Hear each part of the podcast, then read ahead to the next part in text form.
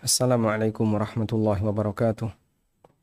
Alhamdulillahi rabbil alamin wassalatu wassalamu ala asyrafil mursalin nabiyina wa maulana Muhammadin wa ala alihi wa sahbihi ajma'in wa ashhadu an la ilaha illallah wahdahu la syarikalah wa ashhadu anna Muhammadan abduhu wa rasuluh sallallahu alaihi wa ala alihi wa sahbihi wa man tabi'ahum bi ihsanin ila yaumiddin. Alhamdulillah puji syukur kita haturkan kehadirat Allah Subhanahu wa taala di kesempatan sore hari ini untuk waktu Yogyakarta, waktu Jakarta dan sekitarnya. Kembali kita melanjutkan kajian rutin bersama sahabat ilmu Darmais.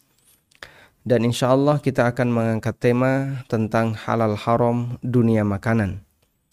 Jadi secara urutan ketika selesai membahas tentang masalah ahkamun nikah wa zawaj ahkamun nikah wa zawaj wa talak. Hukum seputar masalah pernikahan eh, para ulama kemudian berpindah kepada hukum seputar masalah halal haram dunia makanan. Atau yang mereka sebut dengan kitabul at'imah kitab al-at'imah. Baik penulis menyebutkan bab ini dengan judul kitabul at'imah. Coba kita lihat keterangan dari penulis. Qala al-musannifu rahimahullah penulis menyebutkan Kitabul At'imah. Bab tentang masalah Al-At'imah. Al-At'imah bentuk jamak dari kata to'am. Ini adalah bentuk jamak dari kata at-ta'am. At-ta'am yang artinya makanan. Al-at'imah berarti aneka makanan. Tayyib. Dan sebelum kita uh, membahas tentang keterangan yang disampaikan oleh penulis berkaitan dengan masalah makanan. Terlebih dahulu kita akan memberikan beberapa kaidah berkaitan dengan masalah makanan. Baik, agar bisa lebih maksimal dalam menghayati kaidah ini kami turunkan dari beberapa dalil yang disebutkan dalam Al-Qur'an. Agar lebih maksimal menghayati, kami harapkan di samping Bapak Ibu ada mushaf atau HP-nya siaga untuk dibuka Al-Quran dan sambil kita ikuti di posisi surat dan ayat yang nanti akan kami isyaratkan. Tayyib. Kaidah seputar masalah makanan. Kaidah yang pertama, bahwa hukum asal makanan adalah mubah karena Allah Subhanahu wa taala yang menjamin hambanya berupa rizki ketika hidup di dunia. Sehingga ada keseimbangan yang terjadi di sana hambanya diperintahkan untuk beribadah, Allah memberi perintah kepada hamba. Dan yang kedua, Allah menjamin hambanya. Allah memberi perintah kepada hamba berupa perintah ibadah. Dan Allah menjamin kepada hambanya berupa kecukupan. Kecukupan rizki. Allah subhanahu wa ta'ala berfirman dalam Al-Quran, wa'mur ahlaka bis salati wastabir 'alaiha la nas'aluka rizqa wa'mur ahlaka bis salati wastabir 'alaiha. Perintahkanlah keluargamu untuk salat dan bersabarlah dalam menjaga salat. La nas'aluka rizqa aku tidak meminta rizki darimu. Nahnu narzukuka sebaliknya aku yang memberikan rizki kepadamu wal akibatu taqwa dan akibat baik akan didapatkan oleh orang yang bertakwa. Sehingga dalam ayat ini Allah Subhanahu wa taala perintahkan kita untuk menjaga salat yang itu merupakan ibadah mahdoh yang tertinggi. Dan Allah Subhanahu wa taala memberikan jaminan nahnu narzukuka bahwa kita yang akan memberikan kami akan memberikan rezeki kepadamu. Ada di surat Taha ayat 132. Lalu bagaimana cara Allah Subhanahu wa taala memberikan rezeki kepada hambanya? Cara Allah memberikan rezeki kepada hambanya disebutkan oleh Allah di surat Al-Baqarah ayat 29. Allah Subhanahu wa taala berfirman, "Huwallazi khalaqalakum ma fil ardi jami'a." Dialah zat yang menciptakan untuk kalian segala sesuatu yang ada di muka bumi. Sehingga apa pun yang ada di muka bumi ini silahkan dinikmati. Silahkan diambil, silahkan dimanfaatkan, silahkan dimakan. Ma fil ardi jami'a. Dialah zat yang menciptakan untuk kalian segala sesuatu yang ada di muka bumi ini. Baik. Sehingga dari sini kita bisa mengambil kesimpulan bahwa hukum asal makanan yang itu bagian dari salah satu unsur bumi adalah halal dan mubah. Hukum asal makanan yang itu merupakan bagian dari rizki yang disediakan oleh Allah adalah halal dan mubah. Kita juga bisa lihat dalam firman Allah di surat Az-Zariyat. Wa ma khalaqtul jinna wal insa illa liya'budun. Ma uridu minhum min rizqin wa ma uridu ayyut'imun. Innallaha huwar razzaqu dzul quwwatil matin. Tidaklah aku ciptakan jin dan manusia illa liya'budun. Kecuali agar mereka beribadah kepadaku. Lalu Allah tegaskan, "Ma uridu minhum mir rizqin wa ma uridu ayyut'imun." Aku tidak mengharapkan rizki dari mereka dan aku tidak mengharapkan mereka memberi makan kepadaku. Sebaliknya Allah yang beri rizki. Innallaha huwar razzaq dzul quwwatil matin. Dialah Allah yang memberikan rizki dzul quwwah al matin. Yang memiliki kekuatan yang kokoh. Sehingga ada perintah ibadah dan ada jaminan berupa rizki yang disediakan oleh Allah Subhanahu wa taala untuk hambanya. Baik. Ini kaidah yang pertama. Selanjutnya kita beralih ke kaidah yang kedua. Bahwa makanan itu ada dua macam. Ada makanan hewani dan ada nabati. Makanan ada hewani dan nanti akan disebutkan oleh penulis ya. Dan ada nabati. Kalau ini semua halal ada nggak pohon yang diharamkan? Kalau masalah beracun itu urusan berbeda. Ada pak yang memabukkan. Contohnya kecubung, kemudian ganja dan seterusnya. Nah itu karena memabukkan. Contoh yang lain, adakah rokok itu ada apa tembakau? Itu karena berbahaya. Jadi status kenapa dia diharamkan karena faktor yang lain, bukan karena pohonnya. Sehingga orang menanam pohon-pohon itu misalnya untuk berteduh atau untuk kebutuhan yang lain yang bukan untuk dikonsumsi manusia misalnya, hukum asalnya diperbolehkan. Sebagaimana kita punya pohon jati. Pohon jati diapain pak? Apakah ada yang bisa dimakan dari pohon jati? Daunnya tidak bisa. Batangnya tidak bisa. Apalagi akarnya. Karena itu dia ditanam bukan untuk dimakan, tapi untuk dimanfaatkan untuk kepentingan yang lain. Baik. Oleh karena itu, posisi pembahasan halal haram lebih dominan di sini. Di sinilah pembahasan halal haram. Sedangkan untuk uh, hasil tanaman semuanya halal meskipun dibatasi dari sisi pertimbangan madorot ya manfaat dan madorot dan pertimbangan memabukkan atau tidak memabukkan. Baik, kita fokus di masalah halal haram hewani. Dalam halal haram hewani, kaidahnya adalah hukum asal daging itu haram. Loh kok bisa?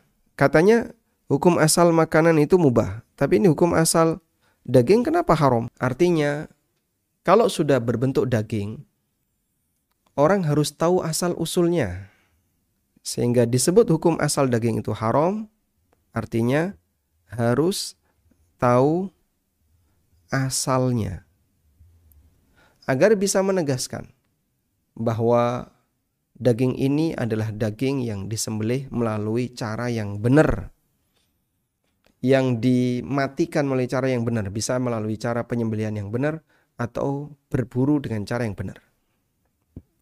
Dalilnya firman Allah di surat Al-Maidah ayat yang ketiga.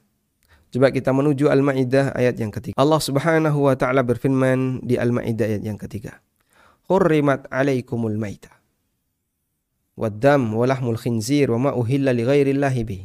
Diharamkan bagi kalian al-maita, bangkai, darah, daging babi dan binatang yang uhilla li ghairillahi bihi. Disembelih namun tidak menyebut nama Allah. Wal munkhaniqah, binatang yang tercekik. Wal mauqudah, binatang yang terpukul atau kena ya binatang yang terpukul wal mutaraddiyah atau binatang yang terjatuh wan natihah atau binatang yang tertanduk Wa ma akala sabu atau binatang yang dimakan oleh binatang buas. Hewan yang dimakan oleh binatang buas. Baik, perhatikan di lanjutan ayat. Illa ma Kecuali yang sempat kalian sembelih. Wa ma dhubiha nusub. Dan binatang yang disembelih di atas berhala. Ada berhala yang bentuknya seperti meja. ya Yang dulu dianggap itu adalah tempat sujudnya orang soleh. Sebagian masyarakat jahiliyah mereka menyembelih hewan, kambing itu di atas batu yang seperti meja tadi. Itu yang disebut zubiha ala nusub. Wa antastaqsimu bil azlam dan jangan melakukan uh, mengundi nasib dengan al azlam. Dzalikum fisq. Semua perbuatan itu adalah perbuatan kefasikan. Baik. Nah, dalam ayat ini Allah Subhanahu wa taala menyebutkan aneka hewan yang haram dimakan. Yang sebabnya adalah karena binatang itu pertama jadi jenis binatang yang haram seperti babi. Atau yang kedua, unsur binatang yang haram yaitu darah. Atau yang ketiga, yang ketiga adalah binatang yang disembelih dengan cara yang tidak syar'i dan itulah bangkai dan seluruh turunannya. Turunan bangkai ini banyak. Al-maitah itu bangkai. Ma uhilla li ghairillahi bihi binatang yang disembelih untuk selain Allah juga bangkai. Lalu binatang yang mati, tercekik, terpukul, tertanduk, terjatuh, dimakan binatang buas, semuanya bangkai. Sehingga tiga jenis kalau kita eh, rangkum. Pertama, karena jenisnya haram, babi. Yang kedua, karena unsurnya haram, darah. Yang ketiga, karena dia bangkai. Sehingga kalau ada daging, maka pastikan daging ini harus jelas asalnya. Maka kalau ada daging, pastikan daging itu harus jelas asalnya. Daging harus jelas asalnya. Jelas asalnya adalah jelas jenis binatangnya. Karena daging sapi dan daging babi penampilannya sama. Jelas asalnya juga jelas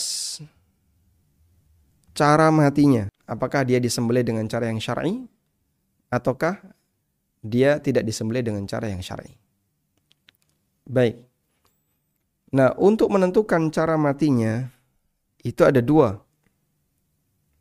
Yang pertama melihat proses. Melihat proses. Ketika melihat proses, maka pastikan prosesnya syar'i. Pastikan prosesnya syar'i. Sehingga Anda misalnya hadir di tempat RPH, rumah potong hewan. Lihat ada orang menyembelih. Sudah? Saat dia menyembelih, ternyata Bapak menjumpai ada uh, kondisi di mana orang itu tidak membaca bismillah. Misalnya, dia diem aja kok. Saya lihat tuh mulutnya mingkem, dia pakai headset nyetel dangdut. Ada ngerokok sambil ngerokok pakai headset nyetel dangdut, nyembelih dia. Dan ada salah satu kawan saya yang menyaksikan itu. Orang itu pakai headset nyetel dangdut atau nyetel musik pokoknya. Terus dia nyembelih. Ya. Dan dia diam aja, bisa dipastikan tidak baca bismillah. Apalagi sambil ngerokok. Ya. Bismillah itu kan sambil ngerokok bisa nggak coba coba dia. Uh, bismillah. Nggak bisa dipraktekin ya. Bismillah sambil ngerokok gak pantas ya. Rokoknya harus dibuang dulu. Dan itu menyembelih. Anda kalau menjumpai seperti itu, maka hewan ini tidak boleh dimakan. Karena dia disembelih dengan menyebut, tidak menyebut nama Allah. Tayyib. Yang kedua, tidak melihat proses. Kalau tidak melihat proses, maka yang perlu dipastikan adalah pastikan subjek penyembelih subjek penyembelih adalah orang yang sah. Dan subjek penyembelih yang sah hanya ada dua, muslim dan ahli kitab. Selain itu tidak boleh. Selain itu tidak boleh. Subjek penyembelih yang sah dia muslim. Yang kedua dia, dia ahli kitab. Nah, kalau sudah tahu subjek, maka tidak harus mencari tahu proses. Jika kita tidak melihat proses. Dan inilah yang dominan kita jumpai di pasar. Anda beli daging, daging sapi atau daging ayam. Bahkan ketika kita mampir ke warung sate, warung sate mana pun, tidak mungkin kita nonton proses menyembelih kambingnya.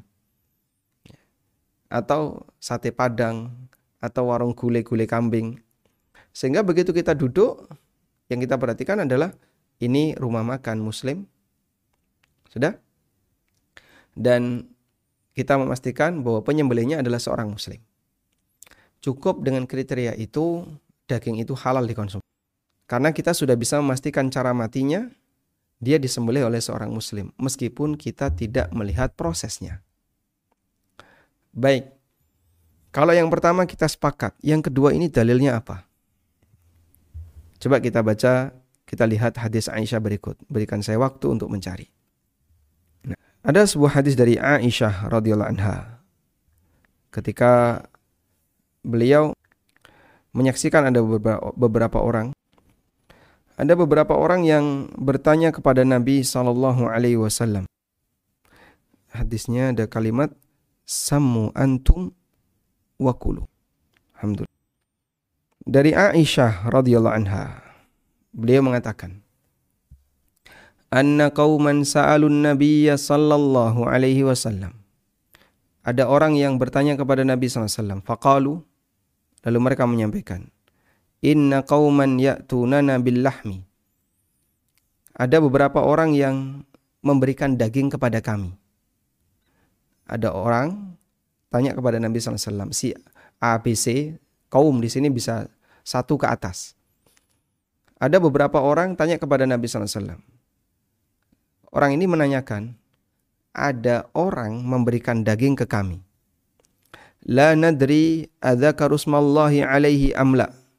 Kami tidak tahu apakah orang ini menyembelihnya menyebut nama Allah ataukah tidak. Karena kita cuma dikasih daging. Faqala Kemudian Nabi SAW mengatakan, Samullaha alaihi antum wakul. Baca bismillah, lalu makan. Dalam riwayat yang lain, dan hadis ini riwayat Bukhari, dalam riwayat yang lain dinyatakan, wa nahnu hadithu ahdihim bisyirkin wa kanu hadithi ahdin bil kufri. Dan mereka itu baru saja meninggalkan kekufuran. Artinya baru saja masuk Islam. Mereka itu baru saja masuk Islam. Artinya peluang mereka melakukan salah dalam menyembelih itu ada. Tapi karena subjeknya seorang muslim, karena dia sudah masuk Islam, Nabi SAW tidak menghiraukan hal itu.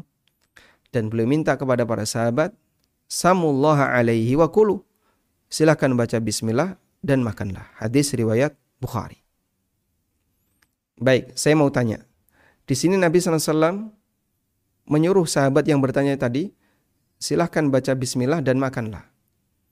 Fungsi bismillah di sini bismillah untuk apa? Untuk menghalalkan daging ini atau untuk apa? Silahkan ditulis di kolom, di kolom komentar dan chat yang ada di Zoom. Fungsi bismillah ini bismillah untuk apa? Apakah bismillah ini bisa digunakan untuk menghalalkan status daging ini? Sehingga ini daripada daging meragukan, bacalah bismillah nanti jadi meyakinkan halal. Apa fungsinya? Coba dilihat di kolom chat. Ada delay yang Zoom, mungkin nggak di Zoom? Ada yang mau jawab? Hmm? Di mana? Di Zoom. Ada di Zoom. untuk makan ya. Baik. Untuk menghalalkan dagingnya. Sembilan hanya karena Allah. Terus ada lagi? Cukup. Baik. Fungsinya untuk meyakinkan halal karena baca bismillah. Untuk mengingat Allah bahwa semuanya pemberian Allah. Tayyip. Nampaknya semua jawaban yang disampaikan ada satu itu. Bismillah sebelum makan. Baik, betul sekali. Jadi fungsi bismillah ini adalah bismillah sebelum makan.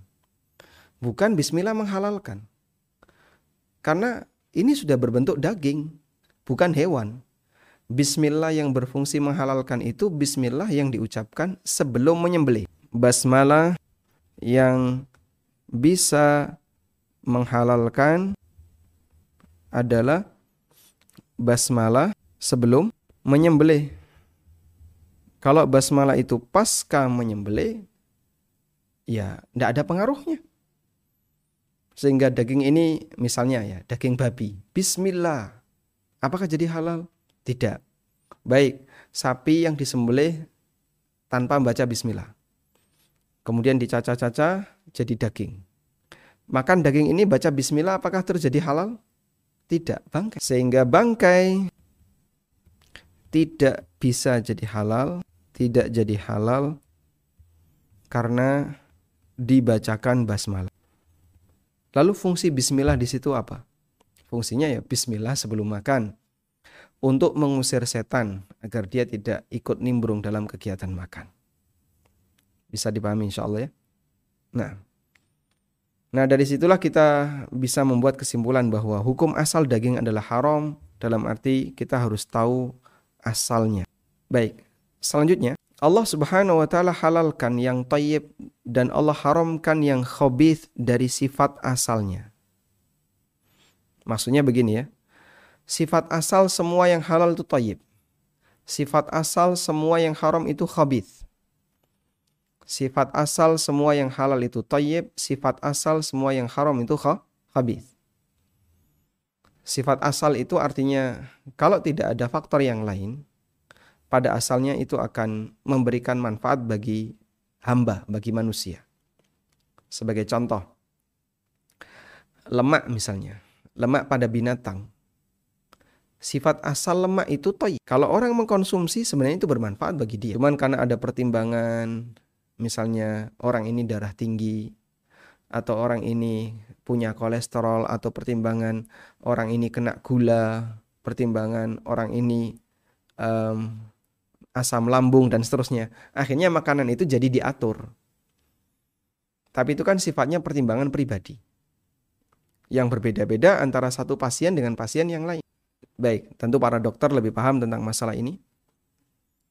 Sehingga batasan tayyib dan khabith sebagai acuan halal haram itu melihat sifat asal dari makanan tersebut.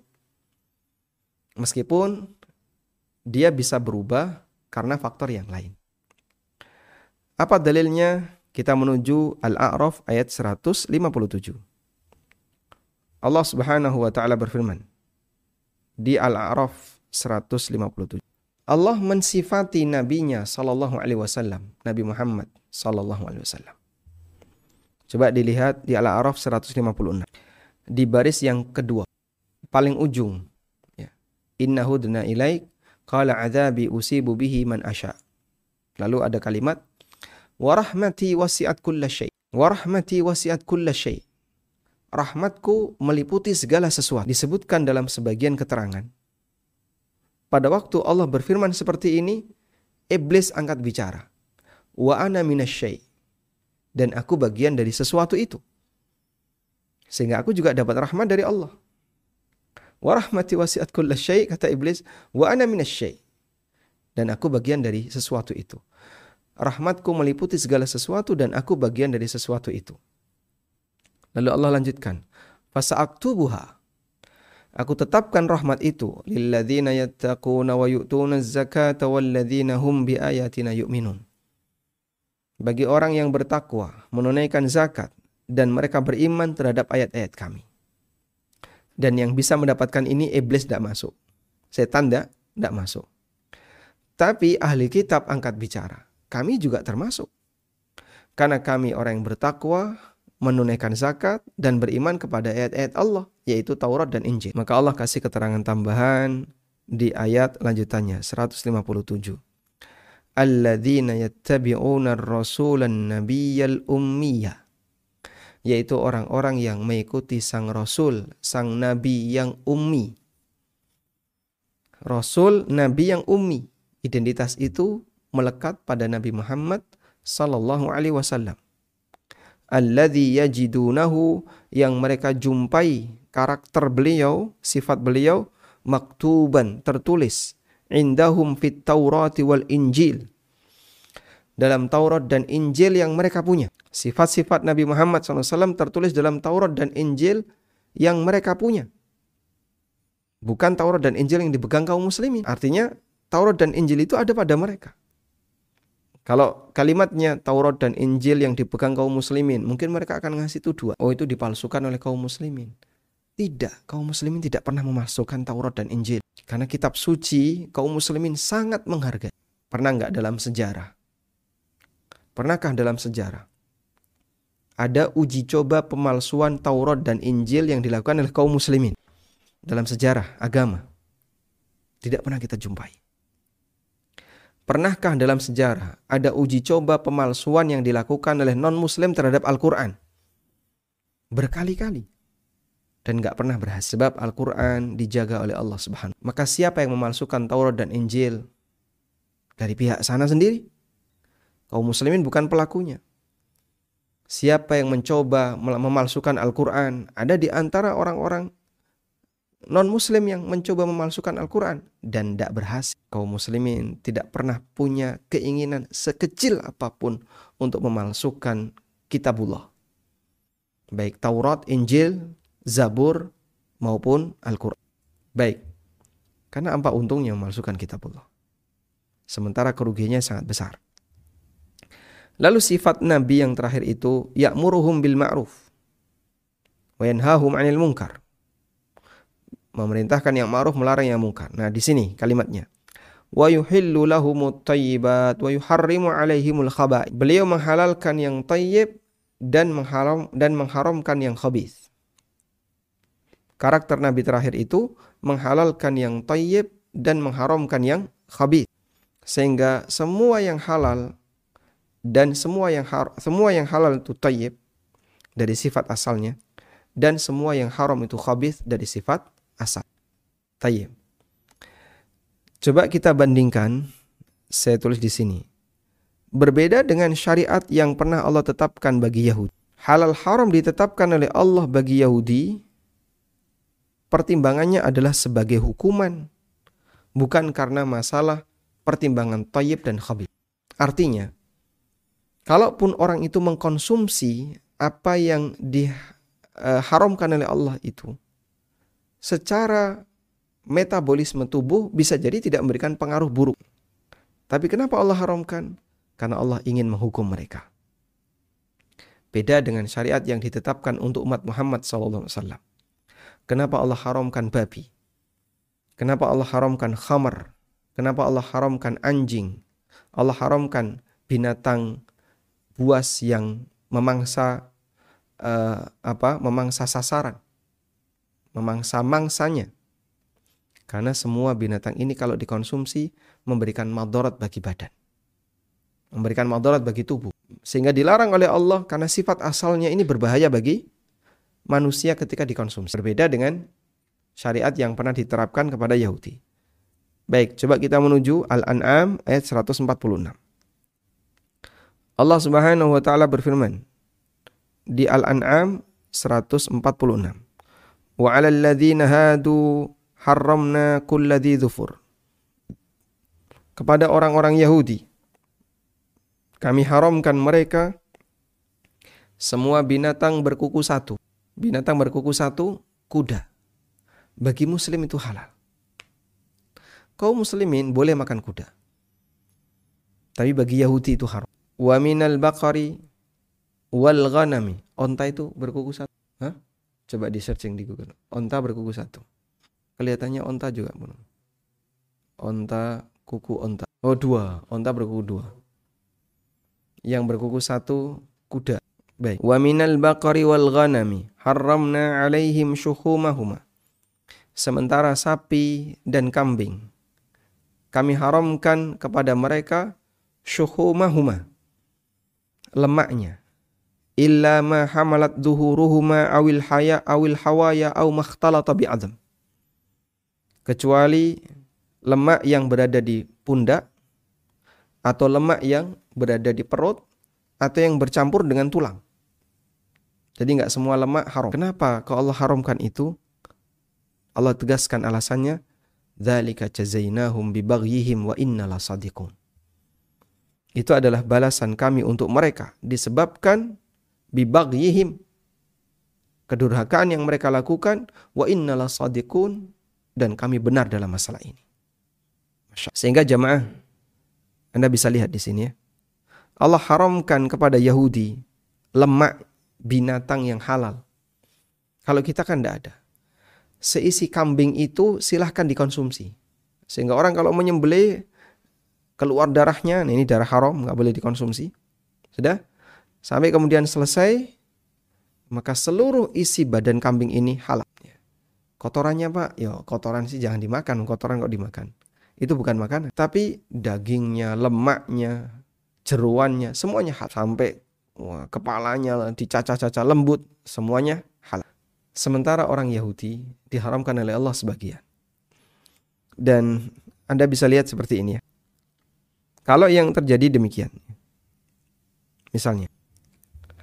Di sini ada sebuah gelas ya. Lalu dalam gelas itu Anda dikasih aturan. Bagian warna merah jangan diminum. Yang boleh adalah yang warna kuning. Nah, di sini yang warna kuning. Cairan warna kuning ini boleh diminum. Warna kuning ada di bawah. Sudah? Yang cairan warna merah dilarang untuk diminum. Apa yang akan terjadi kalau Anda mau mengkonsumsi cairan warna kuning? Yang terjadi adalah Anda harus membuang sebagian warna kuning ini. Begini kan? Sudah? Anda harus buang sebagian agar tidak kena merah sama sekali. Maka di saat Anda membuang sebagian yang warna kuning itu, hilang sebagian warna kuning. Merahnya hilang, tapi yang warna kuning sebagian juga hilang. Artinya mengurangi sebagian kenikmatan. Karena ada bagian yang haram. Sehingga sebagai bentuk kehati-hatian ya ngiris ya. Dia kalau ngiris tuh di sini uh, agak ke bawah. Biar yang haram ini nggak ada satupun yang kena. Bahkan mengurangi bagian yang halal. Maka kalau ada daging misalnya, ini daging ya. Sudah? Lalu daging ini ada lemaknya. Di sini lemak. Ini lemak. Tentu orang kalau ngiris itu dia akan patahkan, akan dia buang bagian ini. Ini buang. Sehingga ada daging halal yang ikut terbuang. Masya Allah. Kaum muslimin tidak harus seperti itu. Itulah kemudahan yang diberikan oleh Allah Ta'ala. Nah yang jadi permasalahan kenapa Allah haramkan Yahudi demikian. Ibaratnya begini. Uh, ada lima anak. Baik. Empat boleh semua, satu anak dilarang. Loh, saya kan juga anak. Kenapa saya dilarang? Tapi kakak-kakak saya boleh semua. Misalnya yang empat ini. Kalian berempat boleh masuk ke rumah, boleh masuk ke ruangan mana pun silahkan. Kamu, anak yang terkecil misalnya, kamu, kamu hanya boleh masuk di ruang tamu saja. Sama ke toilet, ke dapur tidak boleh. Ke kamar nggak boleh, tidur di ruang tamu. Semuanya anak, kenapa ini nggak boleh? Itu kan dolim berarti orang tuanya. Andai kan tanpa sebab itu dolim. Karena tentu saja yang namanya anak, dia punya hak yang sama dengan anak yang lain. Tapi kenapa dia dilarang? Karena sebagai hukuman. Sehingga memberikan hukuman lalu melarang sebagian yang diperbolehkan untuk yang lain itu dibenarkan. Makanya Allah katakan di sini, "Dzalika jazainahum bi baghyihim wa inna lasadiqun." Demikianlah balasan yang aku berikan kepada mereka disebabkan kezaliman mereka dan kami benar dalam masalah. Kenapa Allah larang Yahudi makanan yang sebenarnya tidak berbahaya bagi jasadnya kalau dikonsumsi? Kata Allah itu sebagai balasan untuk kezaliman mereka. Dan Allah benar dalam memberikan sikap seperti ini. Sehingga bagi kaum muslimin boleh, bagi umat Muhammad boleh, kenapa bagi Yahudi dilarang? Andaikan Yahudi itu makan kuda, mereka enggak mendapatkan madarat secara fisik. Tapi mereka berdosa. Umat Muhammad SAW makan kuda boleh, Yahudi tidak boleh. Jazainahum wa inna Baik. Maka kalau kita menyadari ini, Masya jamaah yang kami hormati, akan membuat kita semakin bersyukur kepada Allah. akan membuat kita semakin bersyukur kepada Allah bagaimana nikmat yang diberikan oleh Allah Subhanahu wa taala kepada kita yang itu tidak pernah diberikan kepada Yahudi. Selanjutnya, tidak boleh menetapkan haram tanpa dasar. Ini haram, ini halal, ini haram, ini halal. Seenaknya sendiri tidak boleh. Harus punya landasan. Coba kita menuju surat An-Nahl ayat 116.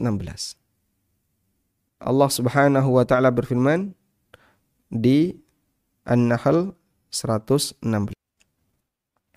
ولا تقولوا لما تصف ألسنتكم الكذب هذا حلال وهذا حرام لتفتروا على الله الكذب إن الذين يفترون على الله الكذب لا يفلحون Janganlah kalian mengucapkan seperti yang dinyatakan oleh lisan kalian yang pendusta itu. Jangan kalian ucapkan seperti yang dinyatakan oleh lisan kalian pendusta. Allah sebut sebagai lisan pendusta. Al-sinatukumul kadhib. Yang disebutkan oleh lisan kalian dengan cara dusta. Hadha halalun wa hadha haram. Ini halal, ini haram. Janganlah kalian mengucapkan dusta sebagaimana yang dinyatakan oleh lisan kalian. Ini halal, ini haram. Litaftaru ala Allahil kadhib. Agar kalian membuat kedustaan atas nama Allah. Karena halal haram itu hak Allah, bukan hak hamba. Dan kebiasaan menetapkan halal haram atas keinginan sendiri, atas apa? tanpa dasar ya. Ini kebiasaan orang musyrikin. Di surat Al-Maidah ayat 103. Saya tulis di sini, kebiasaan musyrikin.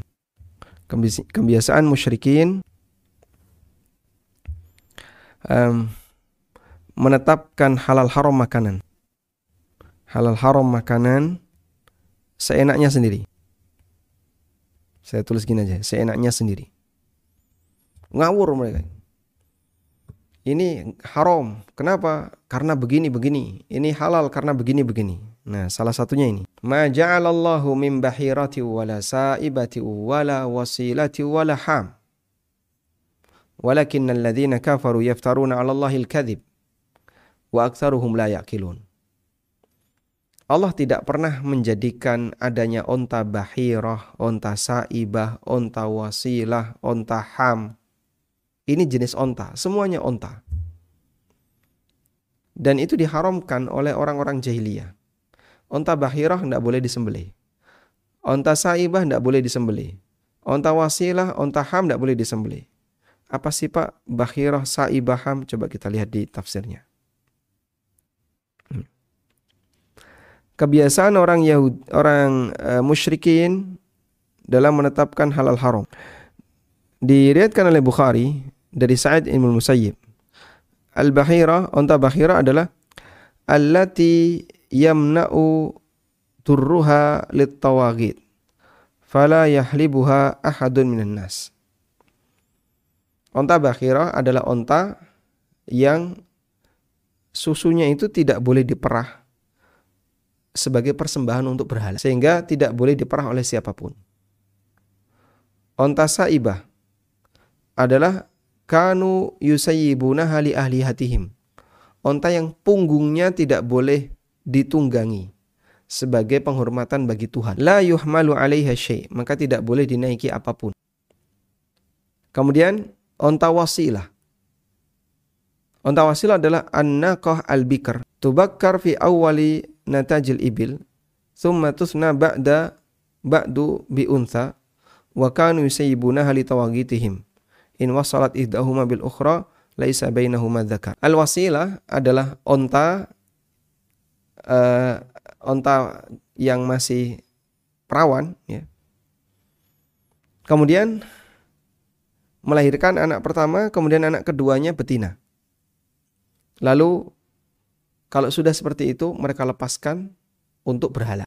Lalu ada onta ham yaitu fahlul ibil yudrabu ad-dirab al-ma'dud. Onta ham adalah pejantan yang gede yang biasanya dipakai untuk mengkawinkan onta-onta yang lain. Apabila sudah selesai masa perkawinan, misalnya sudah terlalu tua, maka mereka tinggalkan, tidak boleh disembelih lit tawagid untuk berhala. Tidak boleh disembelih untuk persembahan kepada berhala. Jadi onta itu tidak boleh disentuh, nanti mati sendiri. Masya Allah. Ini jenis-jenis orang jahiliyah ya.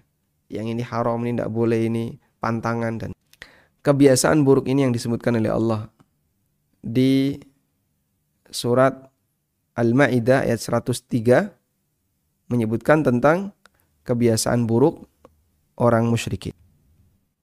Nah, kaidah yang kelima. Belum selesai tadi saya tulis ya. Kaidah yang kelima, semua binatang laut adalah halal. Hidup maupun mati. Allah Subhanahu wa taala berfirman, "Uhilla lakum saydul bahri wa ta'amuhu mata'an lakum walis sayyarah." Dihalalkan bagi kalian untuk melakukan buruan di laut dan halal bagi kalian ta'amuhu, makanan laut. Apa yang dimaksud dengan makanan laut? Coba kita lihat tafsir di Ibnu Katsir. Wa ta'amuhu ma lafadha min maita. Kata Ibnu Abbas radhiyallahu anhu yang dimaksud dengan makanan laut adalah bangkai laut. Kata Sa'id bin Musayyid, ta'amuhu makanan laut adalah ma lafadhahu hayyan. Hewan yang diambil dari laut hidup au hasara anhum famat atau ketika diambil dari laut lalu dia mati. Itu semuanya halal. Sehingga makanan laut boleh untuk dikonsumsi meskipun tidak disembelih. Wahada mata'un. Dan itu adalah kenikmatan dari Allah. Kita bisa bayangin ya. Kalau binatang laut harus disembelih. Orang nangkap ikan itu berapa? Sekali jaring bisa ribuan bahkan jutaan. Sekali jaring. Lalu dia bisa mendapatkan ikan dalam satu jaring itu. Langsung masuk ke dalam box. Andai kan satu demi satu harus disembelih. Masya Allah kita nggak bisa bayangin repotnya jadi nelayan. Bisanya hanya mancing, dapat sembelih, mancing, dapat sembelih. Dan itu tidak mungkin bisa tidak mungkin dilakukan. Nah, dan uh, karena rumah saya asalnya berasal dari pesisir ya. Rumah saya di Lamongan dengan laut 200 meter. Kita pernah merasakan bagaimana orang nangkap ikan kalau lagi surut, main ke laut, pasang jaring. Ya. Sejarak misalnya 200 meter. Sudah, lalu kita ngusir ikan menuju jaring itu. Bisa dapat dalam jumlah yang banyak. Satu demi satu kita angkat, dan begitu sudah terangkat, dia mati. Nggak lama dia langsung mati. Tidak mungkin sempat untuk disembelih. Bahkan dia mati sudah di dalam tuh mati. Karena dia nggak bisa gerak. Dia mati. Ikan cepat mati. Karena itu Allah katakan ini adalah uh, mata'an lakum, kenikmatan untuk kalian. Baik. Sementara untuk binatang darat harus disembelih. Ini tadi ada di surat firman Allah Subhanahu wa taala Al-Maidah 96. Sementara semua binatang darat jika mau dimakan harus disembelih berdasarkan firman Allah Subhanahu wa taala wala ta'kulu mimma lam yuzkarismullahi alaihi Allah Subhanahu wa taala berfirman di Al-An'am 121 wala ta'kulu mimma lam yuzkarismullahi alaihi wa innahu lafisq. Janganlah kalian makan binatang yang tidak disebutkan nama Allah terhadapnya. Artinya ketika binatang itu mati tidak disembelih dengan baca bismillah. Wa innahu lafisqun dan itu adalah sesuatu yang fasik. Artinya ketika dimakan yaitu perbuatan dosa karena dia makan bangkai. Al-An'am 121. Baik. Sehingga binatang laut tidak perlu untuk disembelih. Sementara binatang darat jika mau dimakan harus disembelih. Dari sini salah satu di antara kaidah yang menjawab pertanyaan.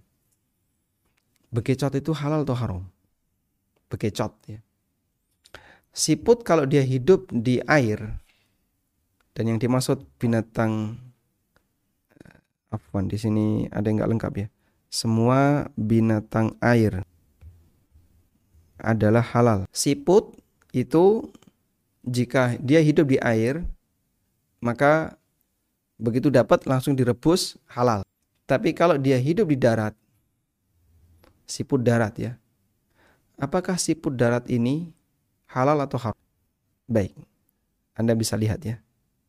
Yang namanya siput darat. Bagaimana cara menyembelihnya, Pak? Bagaimana cara menyembelihnya? Karena kaidahnya binatang darat harus bisa disembelih secara syar'i. Apakah Anda punya solusi untuk menyembelih hewan semacam ini? Tidak bisa, Pak. Oleh karena dia tidak bisa disembelih, maka bagaimana cara makannya? Wong dia nggak bisa disembelih. Gimana? Cara cara yang paling gampang untuk menyembelih siput. Tunggu dia kepalanya menjulur. Bismillah Allahu Akbar. Tap. Ya kesentuh dikit dia sudah sembunyi. Sehingga tidak mungkin ketika tidak mungkin disembelih maka tidak halal dimakan. Nah ini ada kaidah yang aneh. Ada salah satu tokoh, tapi uh, beliau sudah meninggal. Ketika ditanya, apa sih hukum makan cindil, anak tikus? Terus dia bilang, cindil itu randui gurung. Gurung itu leher. Cindil itu tidak punya leher. Maka nyembelih cindil itu tidak bisa. Karena nggak bisa disembelih, dia dimakan hidup-hidup. Wah, tambah aneh kan? Sehingga seharusnya kan tidak bisa disembelih itu haram. Tapi bagi dia, oh enggak. Kalau nggak bisa disembelih, dimakan apa adanya, hidup-hidup. Subhanallah. Mungkin Anda sudah pernah nonton videonya tentang cindil ya. Orang yang menghalalkan cindil, uh, anak tikus. Dia adalah binatang yang haram sehingga karena ketika dia tidak bisa disembelih maka tidak boleh untuk dikonsumsi. Wallahu alam. Yang keenam, kaidah yang keenam. Cara syar'i untuk uh, mematikan binatang, cara syar'i untuk mematikan binatang agar halal ada dua. Pertama, yang pertama disembelih. Yang kedua diburu. Pertama disembelih dan ini ada dua, ada adzabah dan nahar. An-nahar. Kalau adzabah itu di pangkal leher, di ujung leher, ya, di ujung leher. Seperti kambing, ayam, sapi, itu dzabah. Kalau an-nahar itu di pangkal leher. Seperti onta. Itu pakai nahar. Sedangkan diburu ini bisa menggunakan senjata atau anjing pemburu atau hewan pemburu. Hewan pemburu bisa anjing, bisa hewan yang lain. Elang itu bisa. Allah Subhanahu wa taala halalkan itu di surat Al-Maidah Allah sebutkan tentang halalnya anjing pemburu. Wa minal mukallibina tu'allimunahunna mimma 'allamakumullah. Di mana? Wa minal jawarihil mukallibin di ayat yang keempat ya, pas di bawahnya. Yas'alunaka madza uhilla lahum qul uhilla lakumut thayyibat wa ma 'allamtum minal jawarihi mukallibina tu'allimunahunna mimma 'allamakumullah. Dan ini berbicara tentang aturan dalam apa? berburu dengan menggunakan anjing, yaitu binatang anjing yang bisa melukai yang kalian ajari. Sehingga dia hewan pemburu yang sudah diajari. Mimma 'allamakumullah sesuai dengan apa yang Allah ajarkan kepada kalian. Fakulu mimma amsakna alaikum makanlah apa yang ditangkap untuk kalian. Wadhkuru smallahi alai dan sebutlah nama Allah. Ketika melepaskan binatang itu sehingga baik disembelih maupun diburu semuanya harus menyebut nama Allah. Yang ketujuh, semua cara mematikan binatang agar halal harus menyebut nama Allah. Sebagaimana yang tadi Allah sebutkan di surat Al-An'am, Allah berfirman, "Wala ta'kulu mimma lam yuzkarismullahi alaihi wa innahu lafisq." Al-An'am 121. Coba kita cek menuju Al-An'am 121. Janganlah kalian makan binatang yang tidak disembelih atau binatang yang tidak disebutkan nama Allah di sana. Wa innahu lafisqun dan itu adalah binatang fasik. Walhamdulillahirabbil alamin. Semoga bisa dipahami dengan maksimal dan insya Allah nanti kita akan share ya di teman-teman agar semuanya bisa mendapatkan catatan. Demikian wasallallahu ala nabiyyina Muhammadin wa ala alihi wa sahbihi wasallam. Alhamdulillah barakallahu Ustaz atas uh, materinya yang insya Allah sangat jelas dan bisa mudah dipahami untuk uh, kita semua. Salam jamaah sekalian, uh, selanjutnya insya Allah dengan bisa waktu masih ada sebelum waktunya maghrib ada diskusi terbatas, sekali lagi diskusi terbatas. Silahkan yang ingin uh, bertanya bisa dengan raise secara langsung atau juga bisa dengan pertanyaan melalui kolom chat. Uh, dan insya Allah ada beberapa jemaah juga ini yang berdomisili di luar negeri ada di Eropa, beberapa di Inggris juga di Jepang yang mungkin uh, banyak menjumpai makanan-makanan yang tidak jelas kehalalannya silahkan juga bisa bertanya langsung di sini. Baik, sudah ada beberapa jamaah yang uh, raise hand. Silahkan kami berikan kesempatan yang pertama kepada uh, ibu atau Okti Sherly. Silahkan di unmute. Silakan.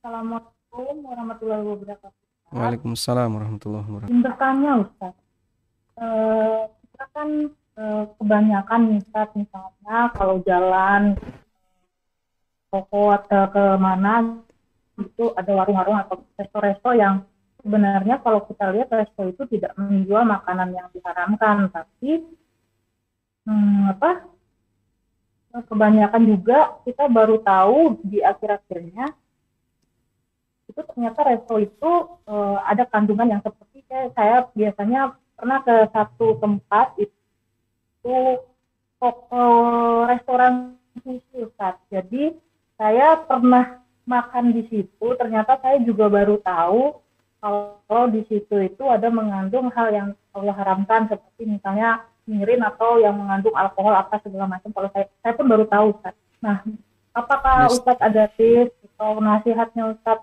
bagaimana kita sebagai umat muslim agar terus berhati-hati agar tidak sembarangan memilih tempat makanan walaupun mungkin kalau kita lihat itu uh, tidak diharamkan. Uh, untuk uh, memastikan bahwa ini halal buat kita konsumsi gitu Ustaz. Karena uh, banyak kan saya kan selalu merhatikan oh ini kayaknya aman. Karena ngelihatnya bukan karena ngelihat MUI-nya karena ngelihat kadang-kadang oh ada tuh yang berhijab mas di dalam situ. Mungkin halal gitu. Padahal saya juga mungkin karena kebodohan ilmu saya jadi saya juga nggak terlalu peka Ustaz. Terus dilihat juga dari pegawainya juga kebanyakan yang muslim. Jadi begitu saya tahu akhir-akhirnya saya tahu ternyata makanan yang sering saya konsumsi itu ada kandungan ini loh itu haram ternyata. Kandungannya apa sampai kandungannya apa? Mirin kandungannya? Mirin, mirin Ustaz. Ustaz. Hah? mirip. Mirip. Mirin, sejenis alkohol Ustaz. Oh, sejenis alkohol. Mengandung alkohol. Iya, Ustaz. Minuman mengandung alkohol. Bukan minuman apa ya? Apa itu? Kayak bumbu gitu kalau misalnya kita makan kayak kecap ya. Kecap.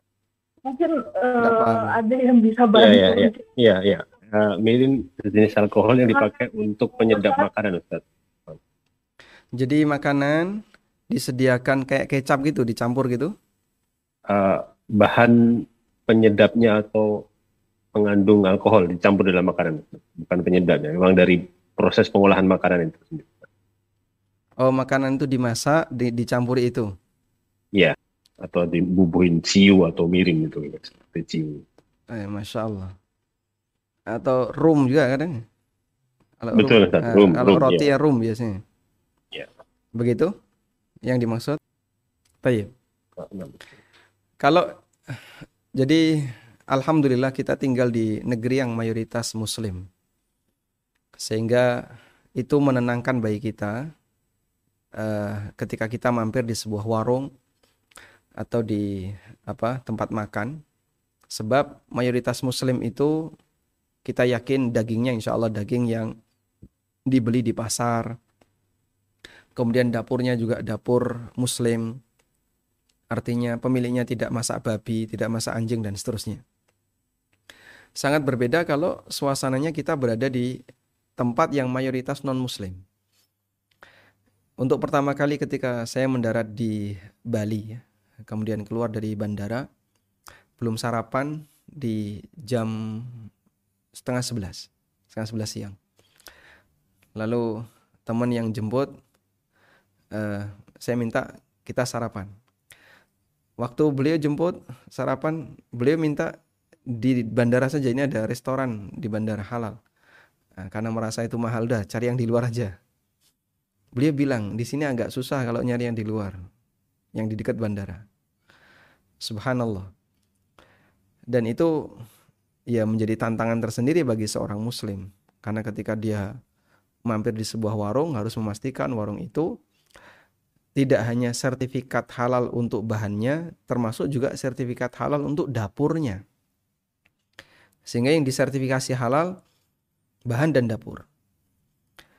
Pada waktu saya uh, pesawat pesawat non muslim Nah, kecurigaan itu kan kadang muncul. Misalnya ENA Jepang, Ana Airlines. Alhamdulillah karena panitia peka, jadi ketika pesan tiket juga sekaligus minta agar diberi Muslim meal sehingga kita disediakan makanan khusus yang bersertifikat halal. Waktu ke Korea juga sama dikasih Muslim meal. Nah, saat naik Singapore Airlines lupa. Saya tanya kepada salah satu pramugari, adakah makanan halal dan dia bilang dia non muslim semua makanan kami halal alhamdulillah tayyib maka sebuah anugerah besar ketika seorang muslim tinggal di negeri muslim atau berada di wilayah yang mayoritas muslim ketenangan itu akan ada saat dia mampir di sebuah tempat makan di warung kemudian selanjutnya kaitannya dengan masalah ini perlu kita bedakan ya posisi warung yang menjual makanan atau minuman haram dengan warung yang memproduksi makanan haram. Itu dua hal yang berbeda. Apabila warung itu menjual makanan haram atau minuman haram, misalnya ini warung halal tapi menyediakan homer, minuman memabukkan. Apakah kita boleh untuk membeli makanan di warung itu? Jawabannya diperbolehkan. Yang tidak boleh adalah bertahan makan di warung itu. Ini ada sebuah hadis. Dari Umar bin Khattab radhiyallahu anhu. Dan hadis ini hadis yang sahih riwayat Tirmidzi dan yang lainnya. Juga dari Jabir bin Abdullah radhiyallahu anhu. Man kana yu'minu billahi wal yaumil akhir. Siapa yang beriman kepada Allah dan hari akhir, fala yaq'udanna ala ma'idatin. Maka jangan sampai dia duduk di hidangan makanan yudaru alaihal khamru di mana khomer dihidangkan di situ. Sehingga ketika di situ dihidangkan khomer, warung makan di situ jual khomer. Maka boleh beli boleh beli untuk bungkus. Tapi tidak boleh tapi tidak boleh apa? Tidak boleh makan di tempat. Tidak boleh makan di tempat karena khomer dihidangkan. Siapa yang beriman kepada Allah dan hari akhir, fala yaqudanna fi ma'idatin yudaru fihal khamr. Jangan sampai dia duduk di hidangan makanan sementara khamr dihidangkan. Kalau boleh beli bungkus silahkan. Dan ada sebagian teman yang tanya waktu di Singapura. Ada warung, ini warung jualnya halal. Tapi dia sedia khamr. Terus gimana? Anda boleh beli tapi bungkus. Namun Anda tidak boleh makan di tempat. Baik. Yang kedua, warung makan yang memproduksi makanan haram. Produksi makanan haram. Nah, Produksi makanan haram di sini ada dua. Yang pertama tidak berubah zatnya, tidak berubah zatnya. Misalnya babi, ya. kemudian anjing, dan kawan-kawannya. Kalau seperti ini yang terjadi, maka dapurnya jadi najis semua. Dapurnya jadi najis. Dia masak babi, ya sudah. Dia masak babi, masak mie instan. Nah, masalahnya kan alatnya satu. Gara-gara dia masak babi, maka dapurnya jadi najis semuanya. Sehingga karena dapurnya najis, makanan apa pun tidak boleh dibeli di Yang kedua, berubah zatnya. Berubah zatnya. Contohnya dicampur apa tadi namanya? Uh, alkohol. Misalnya dicampur alkohol ya. Jadi ini wajan. Pertama dituang alkohol. Dan ini api. Nah, setelah dituang alkohol, kira-kira gimana? Menguapkan alkoholnya. Alkoholnya pasti akan menguap. Sehingga tidak bersisa. Tapi Pak, kan jadi najis. Alkohol tidak najis. Kalau bicara alkohol, alkohol tidak najis. Menurut pendapat yang lebih kuat, sehingga ketika dituang alkohol seperti ini, dia menguap dan tidak menyebabkan wajah ini jadi najis. Terus setelah itu boleh dikasih minyak misalnya. Gimana?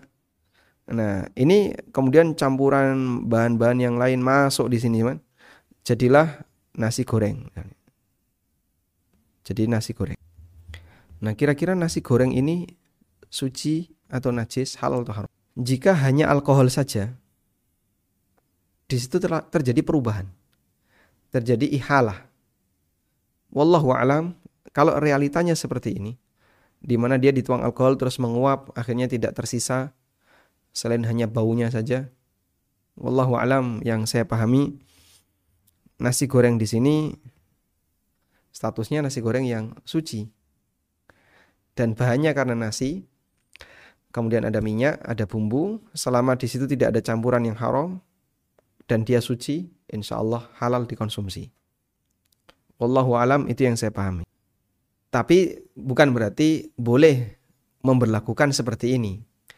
Kita bicara status makanan jadi. Pak, kalau saya masak di rumah kayak gini boleh enggak? Enggak boleh. Sesuatu yang dilarang jangan dicampur dengan sesuatu yang mubah. Sesuatu yang haram jangan dicampur dengan sesuatu yang mubah. Khamar itu dibuang sehingga bukan dicampurkan ke makanan. Nah, saya tidak tahu untuk bahan-bahan yang lain. Kalau rum gimana, Pak? Saya tidak tahu. Apalagi tadi uh, seperti kecap yang yang kayak alkohol.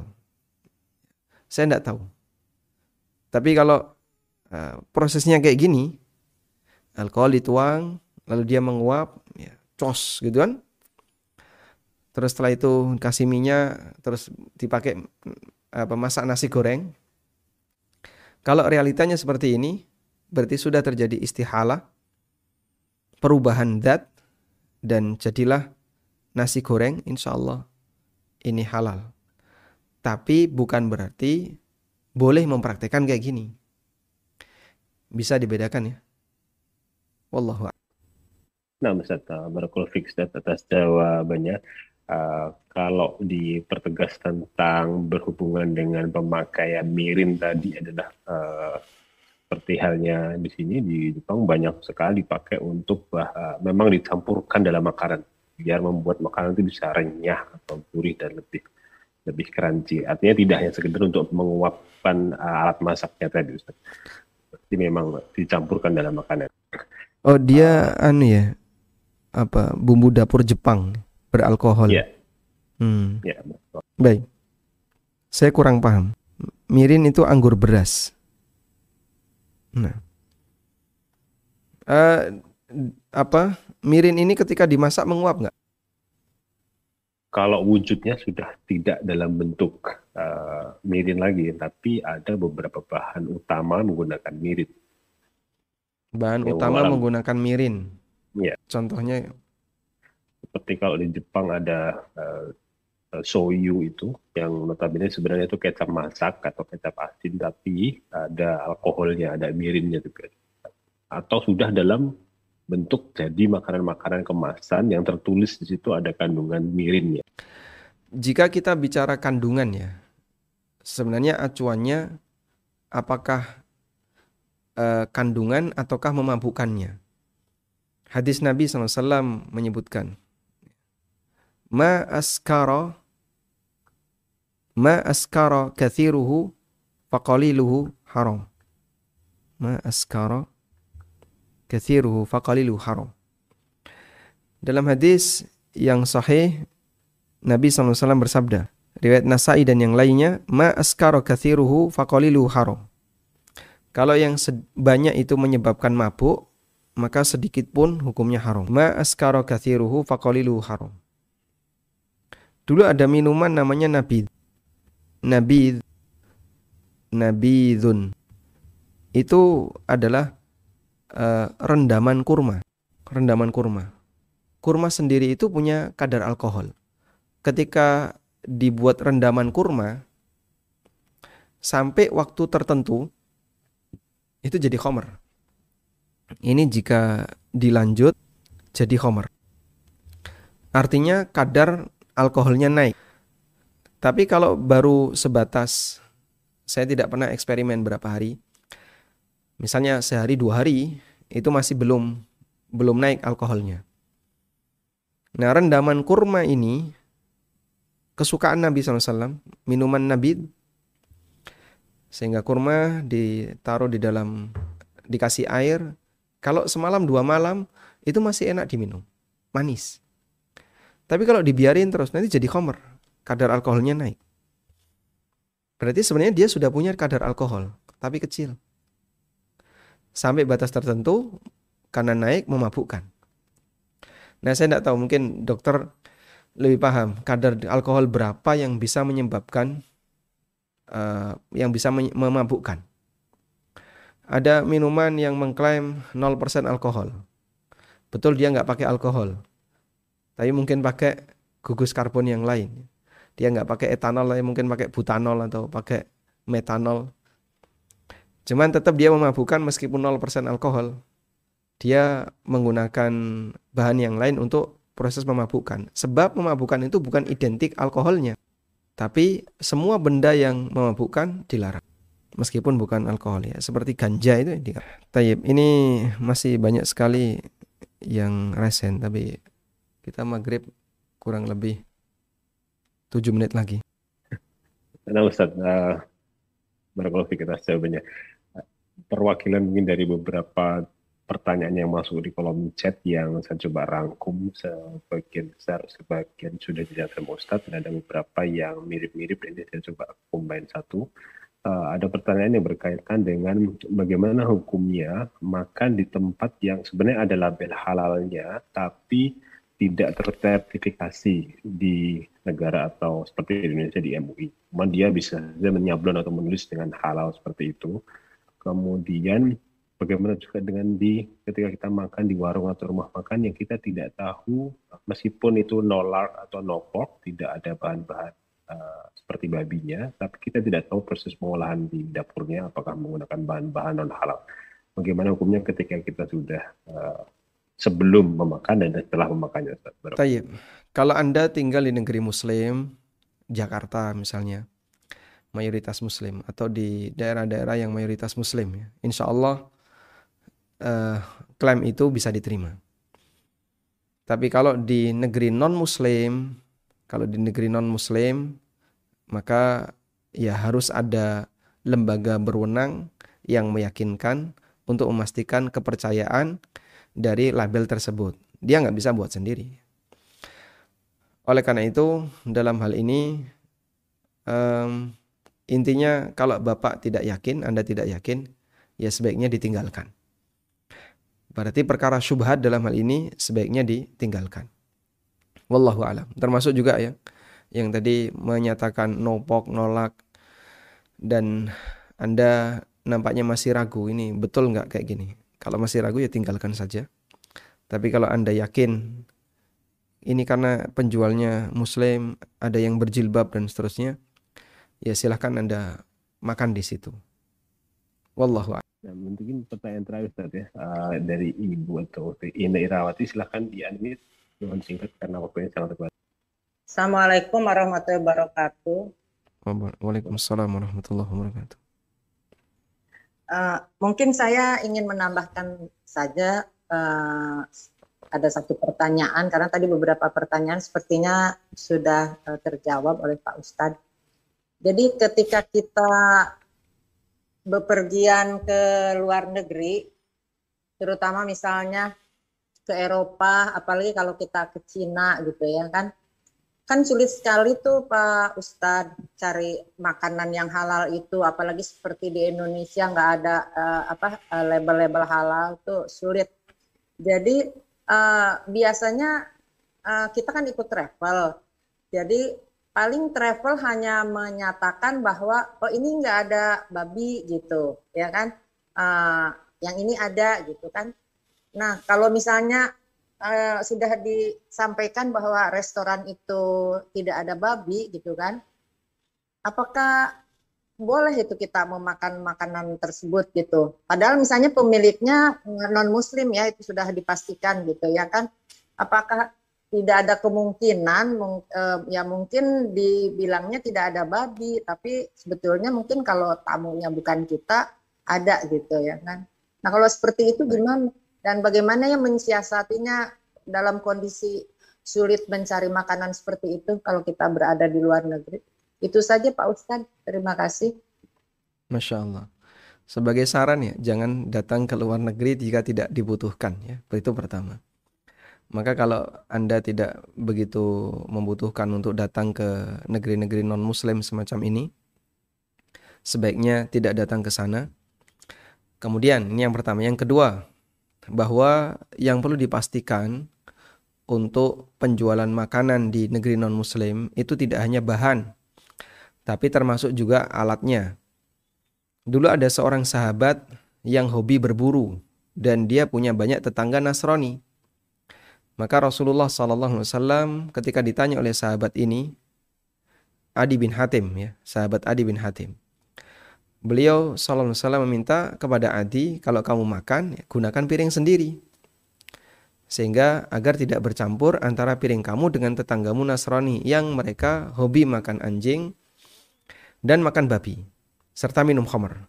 Sehingga sampai sahabat ini membawa perlengkapan makan sendiri, agar tidak bercampur dengan perlengkapan makan orang Nasrani. Oleh karena itu, sertifikat halal tidak hanya sertifikat di bahan, termasuk juga sertifikat dapur. Maka dalam posisi ketika di situ dipastikan tidak ada babi, apalagi tadi ibu bilang, ya kebetulan karena tamunya muslim, tamu travelnya muslim. Coba kalau tamunya selain muslim, mungkin dia nggak bakalan ngomong kayak gitu. Kalau meragukan demikian, maka kami sarankan anda makan telur. Telur insya Allah, telur kan tercangkang ya. Sehingga dia nggak terkontaminasi. Meskipun telur itu direbus dengan air yang mungkin ada. Di situ ada daging juga, tapi jarang telur direbus sama daging. Telur biasanya dikhususkan telur saja.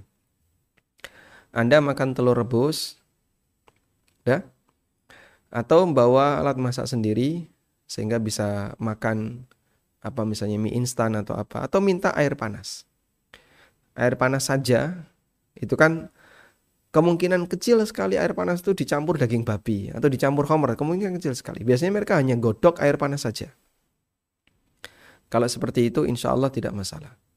Sehingga cukup telur, kemudian jadi vegetarian, cuman untuk sayur yang tidak dicampur dengan minyak mereka, dengan apa makanan-makanan mereka. Dan kalau ada makanan milik orang Indonesia, alhamdulillah silahkan mampir milik orang Indonesia. Biasanya lebih bisa dipilihkan mana yang halal, mana yang haram. Atau orang Pakistan. Ketika kami berada di Jepang atau di Korea, ya teman-teman panitia itu mengarahkan makanan Pakistan atau makanan orang Indonesia sehingga terjamin insya Allah halal. Tapi kalau orang pribumi, dia itu non muslim selain ahli kitab. Kalau enggak ateis, ya, kayak Cina misalnya, atau uh, sosialis atau apa pun agamanya, dia selain ahli kitab. dia musyrikin, Konghucu misalnya. Nah, itu sembilannya tidak halal. Atau yang kedua dia ateis, seperti di Eropa, dominan ateis. Jika tidak ada label halal, sebaiknya tidak dikonsumsi. Wallahu a'lam. Baik, ini mohon maaf Pak Dokter Buana barangkali sampai di sini dulu karena kita sudah mepet maghrib. Demikian yang bisa kita sampaikan semoga bermanfaat.